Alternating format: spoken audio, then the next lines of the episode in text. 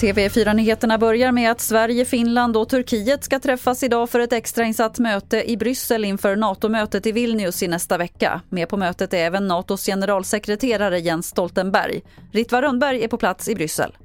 Förra veckan när jag var här på ett EU-toppmöte och Jens Stoltenberg deltog i inledningen av det, vi fick några ord med honom, eh, så sa han att nästa vecka ska vi bara titta på en sista detalj. Det lät ju då hoppfullt ur Sveriges synvinkel. En sista detalj. Eh, sen dess har det hänt en del kring koranbränningarna så jag vet faktiskt inte. Jag törs inte gissa. Men det här skulle vara sista mötet, sista chansen för ett godkännande. I alla fall inför Vilnius-mötet. Över hundra lärare på Internationella Engelska skolan säger att de blivit pressade att ändra redan satta betyg under det senaste läsåret. Det här skriver DN om idag.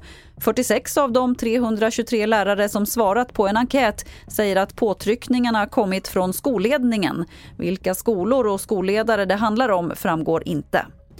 För ett tag sedan lanserade ju BankID ett digitalt ID-kort men det fungerar inte på Systembolaget eller hos Postnord, det rapporterar SR. Systembolaget kallar det digitala ID-kortet för outforskad marknad men kollar på möjligheten för kunderna att använda dem. Postnord räknar den inte heller som godkänd ID-handling i nuläget. Fler nyheter finns på tv4.se. Jag heter Lotta Wall.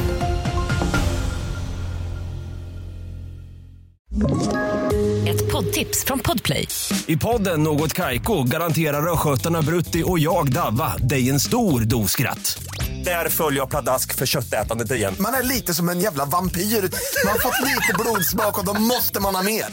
Udda spaningar, fängslande anekdoter och en och annan arg rant.